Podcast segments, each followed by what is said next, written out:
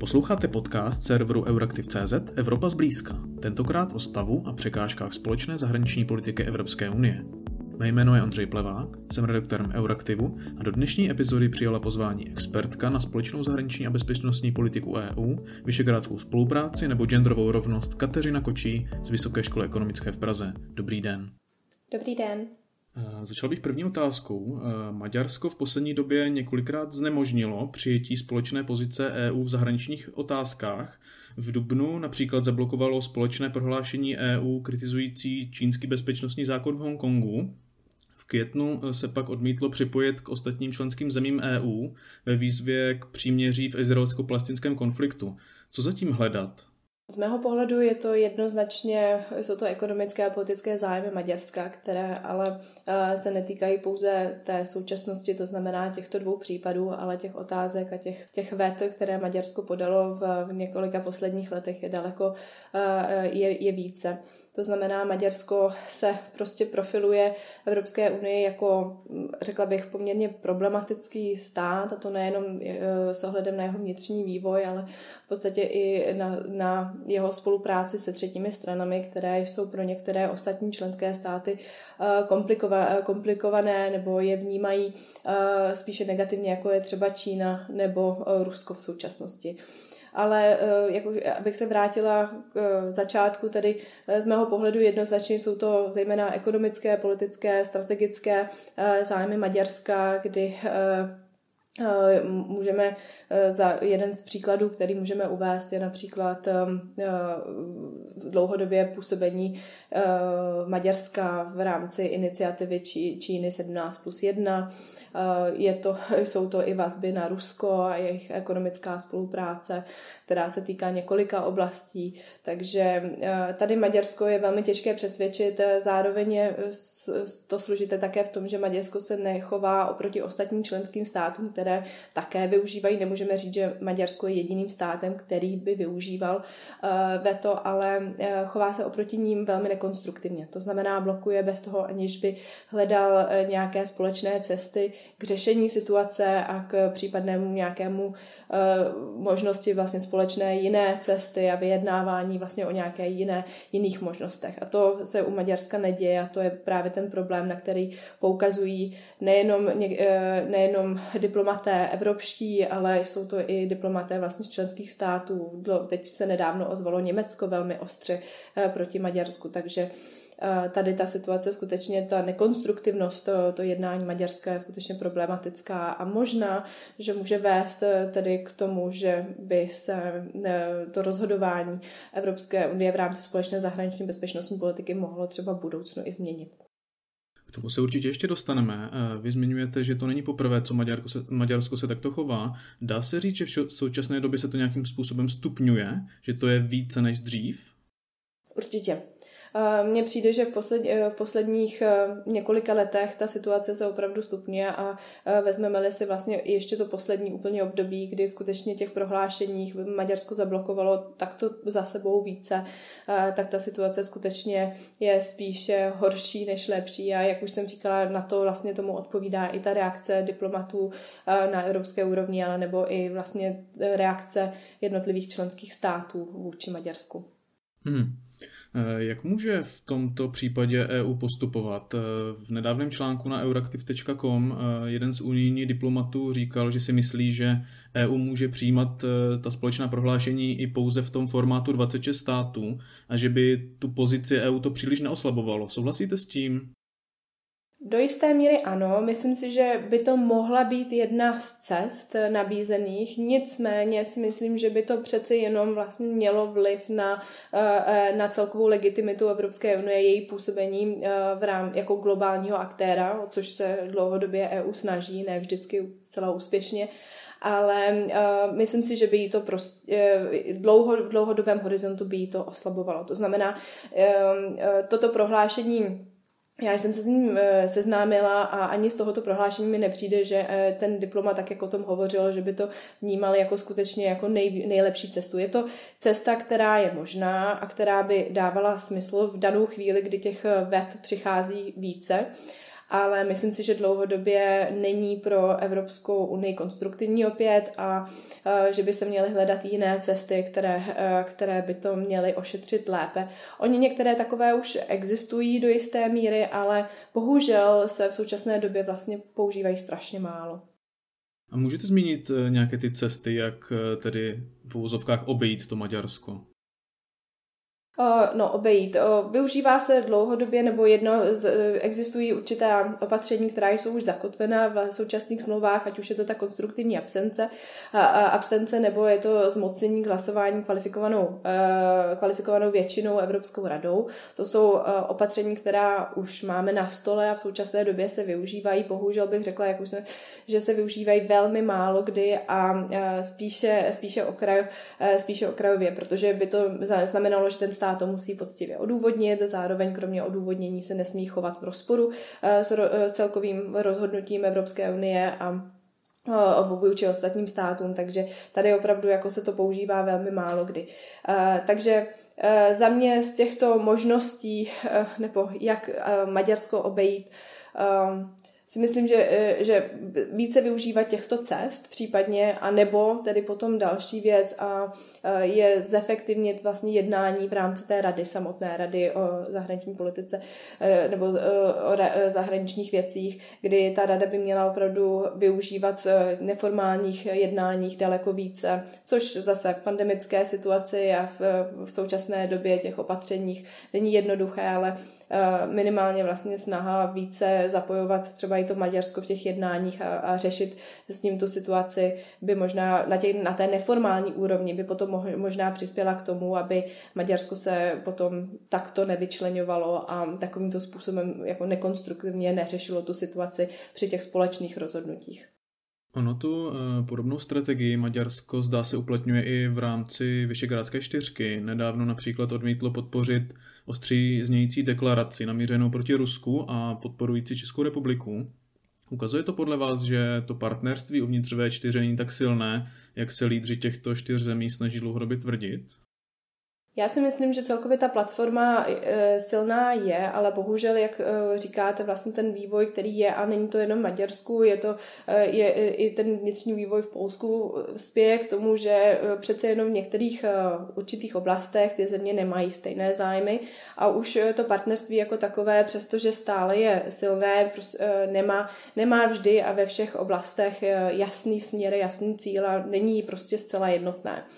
Na druhé straně si nemyslím, že by ta platforma, tak jak vznikla, tak opravdu splnila a stále plní svůj účel, protože zde e, stále dochází k tomu, že ty země mohou prosazovat své zájmy a mohou e, vlastně prosazovat své zájmy nejenom v rámci V4, ale potom i v rámci, e, v rámci Evropské unie a činí je to silnější. Pro mě ale osobně V4 je uskupení, které má svoje limity. Jedním z nich je právě to, že Česká republika, pokud by se k němu dlouhodobě tak upínala, jako se v současné době upíná, může eh, to mít i negativní vliv vůbec jako na Českou republiku jako takovou. Já osobně bych eh, volila raději to, aby to partnerství třeba ne vždycky bylo tak silné, ale by Česká republika si naopak uměla hledat i jiné koaliční partnery, aby ten eh, její koaliční potenciál byl jaksi flexibilnější a vůbec využívání těch koalic byly flexibilnější, než aby to bylo pouze V4, protože jak vidíme, ten vývoj v těch některých zemích jde třeba jiným směrem, nebo se uh, ta situace prostě mění a Česká republika by na to měla umět re, eh, re, reagovat a reflektovat to a tudíž prostě třeba i řešit to jinými třeba koaličními partnery, než je V4. Na druhé straně se ukazuje, že třeba v případě uh, Vrbětic se třeba Polsko a Slovensko velmi dobře postavili za Českou republiku, nebo respektive vlastně, jak, jak se ta odezva od nich byla velmi jaksi uh, solidární, řekněme, ale ne, jak, jak říkám, V4 má svoje opat, uh, opodstatnění, ale je stále jenom jednou z platform, které by se Česká republika měla do budoucnosti věnovat. Můžete zmínit nějaké ty uh, konkrétní koalice států, které, kde by třeba Česká republika mohla hledat podporu v nějakých partikulárních otázkách? No, eh, já si myslím, že třeba v současnosti eh, se velmi tak nějak pro Českou republiku vyvíjí ta nová Hanza, což je koaliční uskupení vlastně států, které se také vlastně objevuje v, neda, v, v poslední době. Myslím si, že státy jako Nizozemí, jako například Švédsko, jsou, se kterými mimo jiné budeme mít vlastně teď budeme v rámci společně předsednickém triu,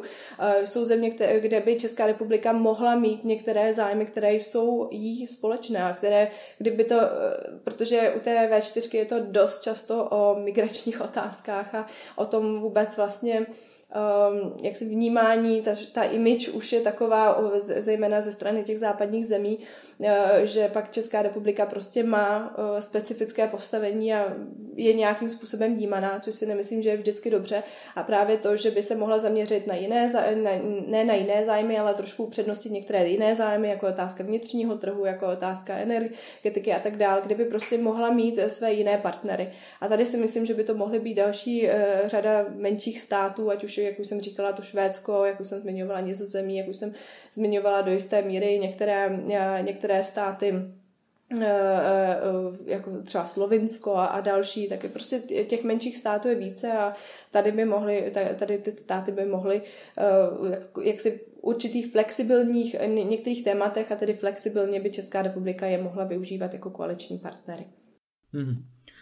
Když jste zmínila Vrbětice, tak eh, vypadá to, že Česká republika eh, v podstatě vůbec nezvládla zajistit si od celé EU nějakou jasnou a silnou podporu ve svém sporu s Kremlem po těch zjištěních o Vrběticích. Byly tam sice vyjádření eh, solidarity, ale nějaké systematické vyhošťování tam neproběhlo. Je to tak, že to Česká republika nezvládla, nebo podle vás nebylo reálně, reálné chtít od těch západoevropských států víc, vzhledem k tomu, že asi není v jejich zájmu dál vztah s Ruskem vyhrocovat. Já bych řekla, že je to spíše ta druhá varianta, i když um, ono to asi jde ruku v ruce z hlediska vlastně té diplomacie ale, a vyjednávání ale řekla bych, že to je spíše taková dlouhodobější tendence těchto států a je to takový obraz uvnitř eh, Evropské unie, kdy skutečně čím víc postupujeme na západ, tak tím je, eh, je ten postoj k Rusku, řekla bych, o něco benevolentnější a není tak eh, zásadně striktní, jako je to, když vezmeme třeba Polsko nebo Baltské státy. To je prostě fakt, se kterým je nutné pracovat a je nutné si ho při těch vyjednáváních uvědomovat. Eh, proto si myslím, že eh, Česká republika eh, ne, ne, nemyslím si, že by ta reakce z, z těch západních států byla zcela špatná. Oni vlastně EU jako taková projevila solidaritu vůči ČR. Je pravda, že tady za dále další kroky tady v návaznosti ne, nebyly provedeny, ale je to, je, to, je to opět vlastně o těch zájmech eh, západních zemí. Vezmeme si Německo, budování Nord Streamu, eh, dvojky, eh, vezmeme si Francii a některé ekonomické aktivity.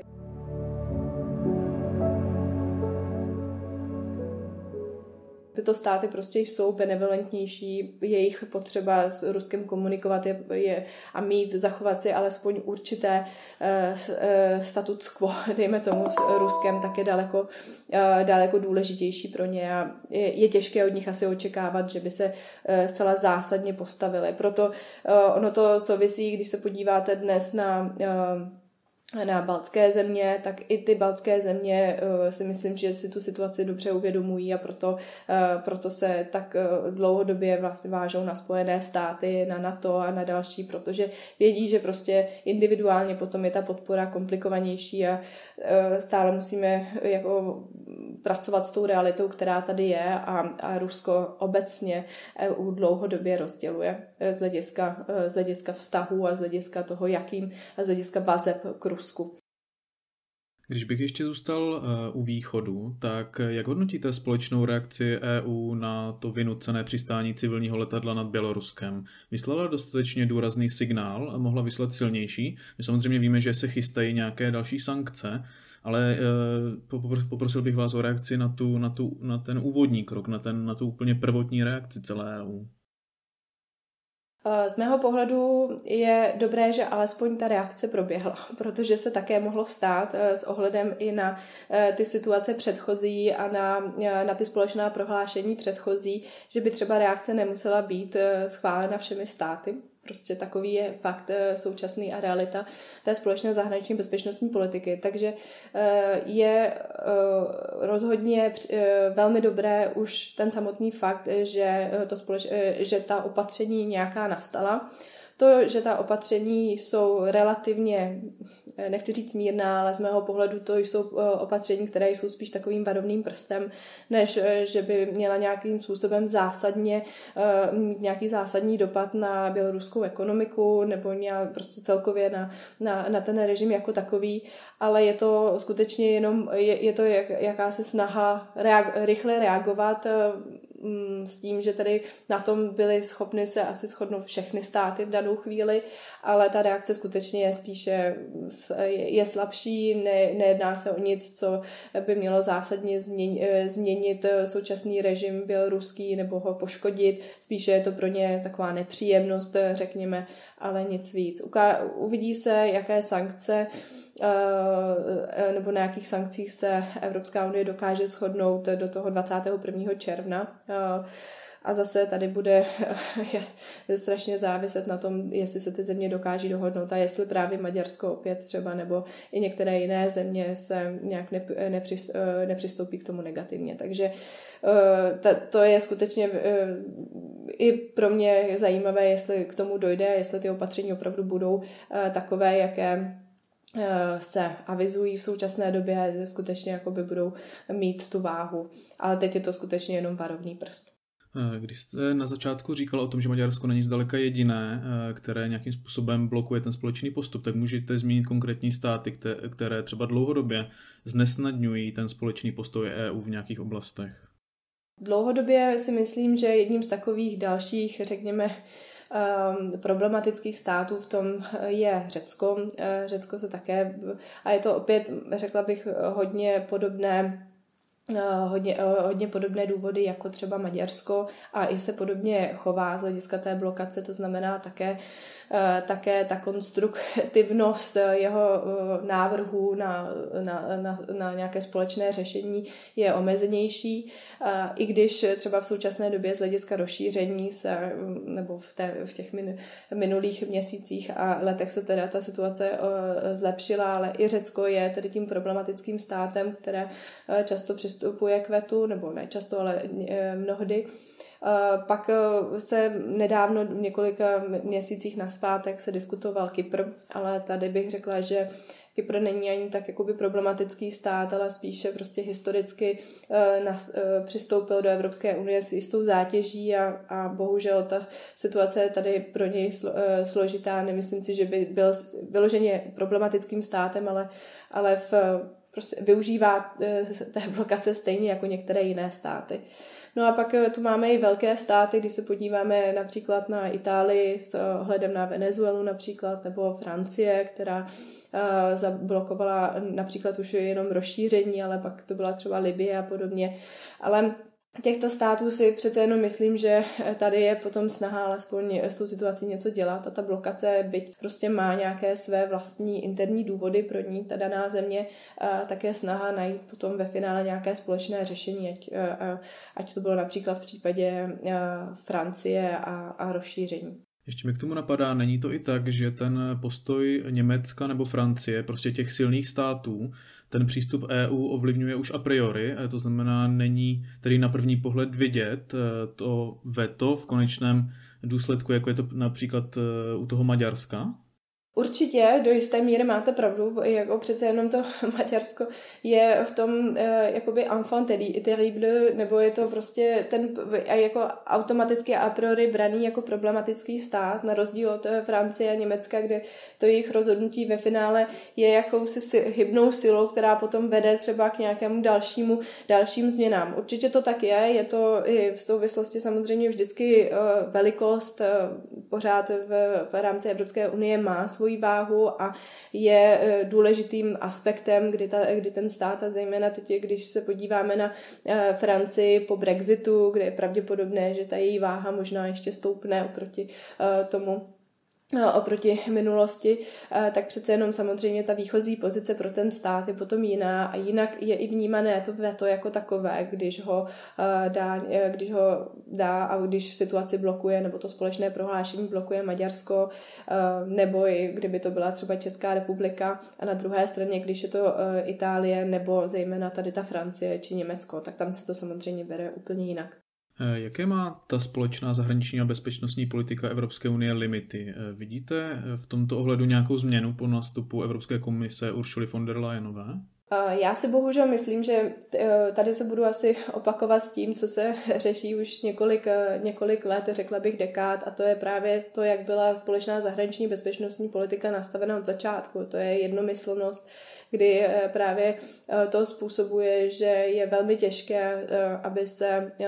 aby se, ta, aby se ty jednotlivé společné prohlášení nebo pozice řešily rychle, aby ta politika byla flexibilní, aby byla efektivní. O efektivnosti se stále hovoří, ale víceméně řada těch opatření prostě dlouho trvá, rozhodnutí jsou velmi složitá, vyjednávání mezi těmi státy. Takže rozhodně jedno, jednomyslnost, která potom vlastně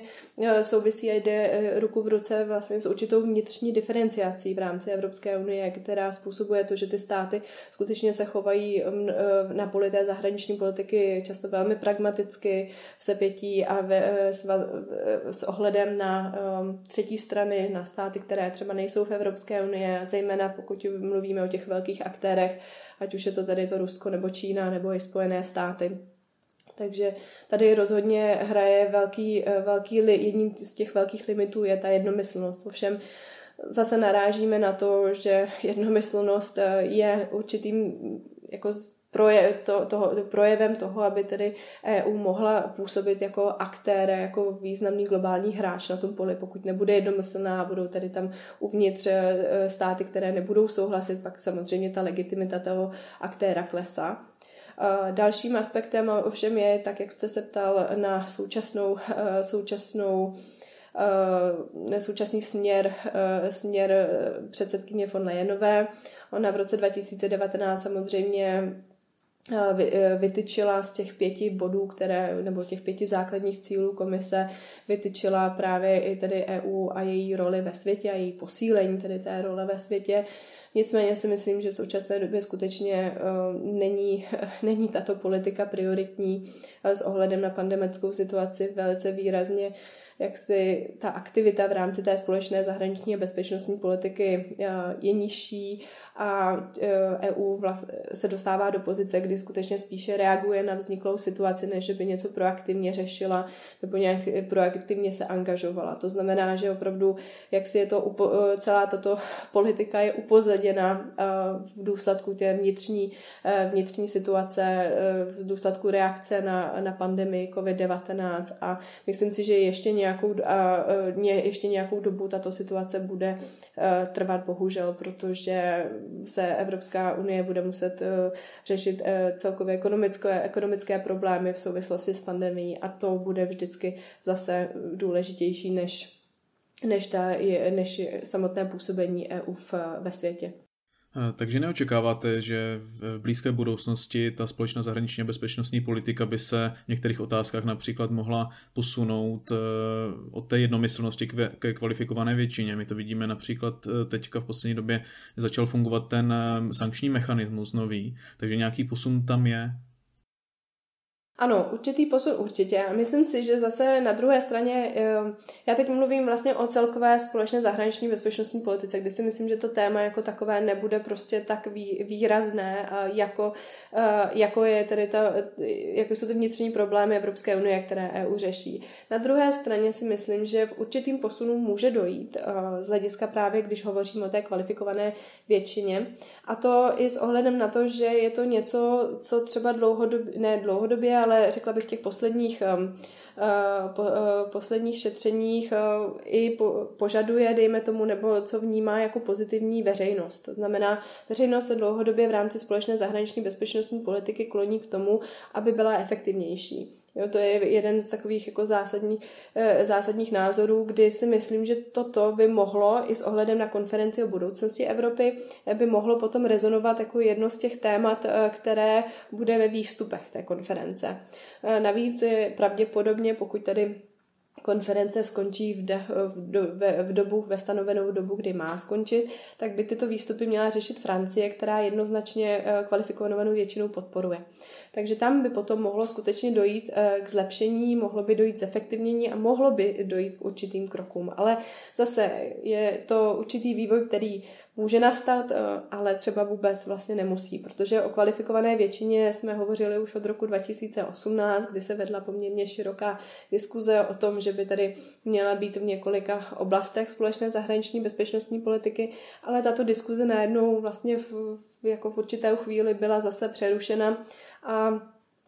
tak to prostě bohužel témata se objevují, chvíli se diskutují a chvíli zase, chvíli, chvíli zase méně. Takže otázka, do jaké míry to skutečně potom ve finále přispěje k tomu efektivnění a zda to nebude jenom pouhá diskuze opět o, o, o zlepšení té společné zahraniční bezpečnostní politiky. Já sama e, si myslím, že v současné době bohužel pořád existuje poměrně velký Eh, velká skupina států, které tu kvalifikovanou většinu obec, eh, v těchto třech eh, oblastech úplně ne, ne, nepodporují. Existuje samozřejmě skupina, která ji podporuje, skupina, která je někde uprostřed, ale pak je tady, tady ta skupina, která má spíše odmítavý postoj a tam tedy stále patří Česká republika. A nicméně ty státy se pořád nepodařilo úplně přesvědčit. A do té doby, dokud, dokud nebude, tady, nebude panovat konsenzus o, o, o této změně, tak té změně nedojde. A myslím si, že je to pořád ještě běh na, na relativně dlouhou trať. Když na závěr trochu odbočím, tak eh, vy jste spoluautorkou publikace o genderové nerovnosti v diplomacii. Jak je na tom v tomhle ohledu Evropská unie? Má progresivní přístup a které evropské státy jsou v tomto ohledu nejdál? Ehm, obecně Evropská unie má velmi progresivní přístup. Myslím si, že přístup Evropské unie v tom, že se snaží rovné příležitosti prosazovat, tak velmi přispěl k tomu, že se ta situace mění i uvnitř těch států. Ehm, byl to jeden z důvodů, proč se například určitá, eh, určité, určitým opatřením došlo i na úrovni České republiky. Ehm, příkladem může být třeba eh, zákon o Eh, státní službě z roku 2014, který prostě přispěl, kdy ta, ten tlak té Evropské unie, nemyslím teď jenom v rovných příležitostech, ale vůbec na, eh, na situaci ve státní správě přispěl k tomu, že ten zákon eh, vznikl, že musel být implementován, ale zároveň potom ten samotný zákon o státní službě vedl k tomu, že musel být nastaven i určitý, určitý rámec pro zahraniční službu, která je trošku odlišná od státní služby jako takové a tudíž vznikl stá, zákon o, státní, o zahraniční službě. A zákon o zahraniční službě měl velmi, relativně pozitivní vliv právě na rovné příležitosti v diplomaci, české diplomaci, protože například umožnil to, že ženy konečně mohou rodit eh, na misích. To je jeden z velkých eh, velkých výdobytků toho zákona, kdy, kdy ty ženy skutečně nemusí odcházet a kariérně vlastně stále mohou postupovat a mohou zůstat na těch misích. Tak to jenom, aby, abych demonstrovala to, jakým způsobem Evropská unie skutečně může ovlivnit to dění uvnitř těch států i s ohledem na samotnou zahraniční službu. Pokud bych se podívala potom na specificky na, eh, na eh, současnou eh, službu pro vnější činnost evropskou, tak tady skutečně v současné době ta služba vznikla až po roce 2011 a má takový komplikovaný, komplikovanou strukturu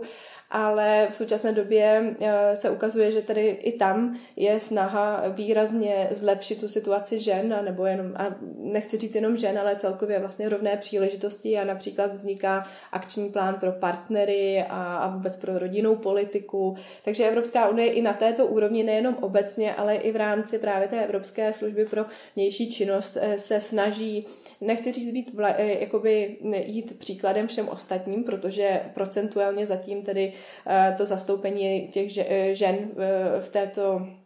na úrovni EU je poměrně malé, nebo v té diploma, v diplomaci, ale snaží se velmi rychle postupovat. Když se vezmeme Českou republiku, tak ta situace v České republice skutečně není, zas, eh, není tak růžová a není, není tak, není tak dobrá, nebo těch, těch opatření, které jsou na úrovni České republiky, skutečně pořád není tolik, ale Evropská unie tady tu roli hraje výraznou. Vy zmiňujete, že v České republice došlo k posunu v návaznosti na určitý evropský tlak, eh, takže v, České republice samotné ta žádná snaha posunout se v téhle otázce není?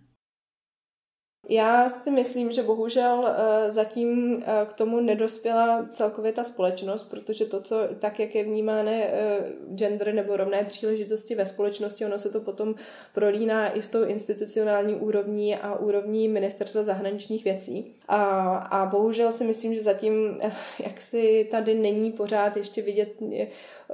vývoj nebo to vnímání takové, aby a ten tlak na tu změnu takový, ze strany té společnosti, aby k těm opatřením došlo. Že, že, že ta rovná, rovné příležitosti, ano, re, částečně se to samozřejmě v té společnosti objevuje, ale rozhodně ten tlak není takový, aby celkově to vzešlo z té společnosti, jako je to v jiných státech. Zatím, zatím to tady tak to nevidím. Redakce Euraktiv se s vámi pro tentokrát loučí. Děkujeme, že nás posloucháte. Budeme rádi, když podcast Evropa zblízka doporučíte svým kolegům a známým. Sledujte nás také na sociálních sítích či na webu, aby vám neunikla žádná nová epizoda.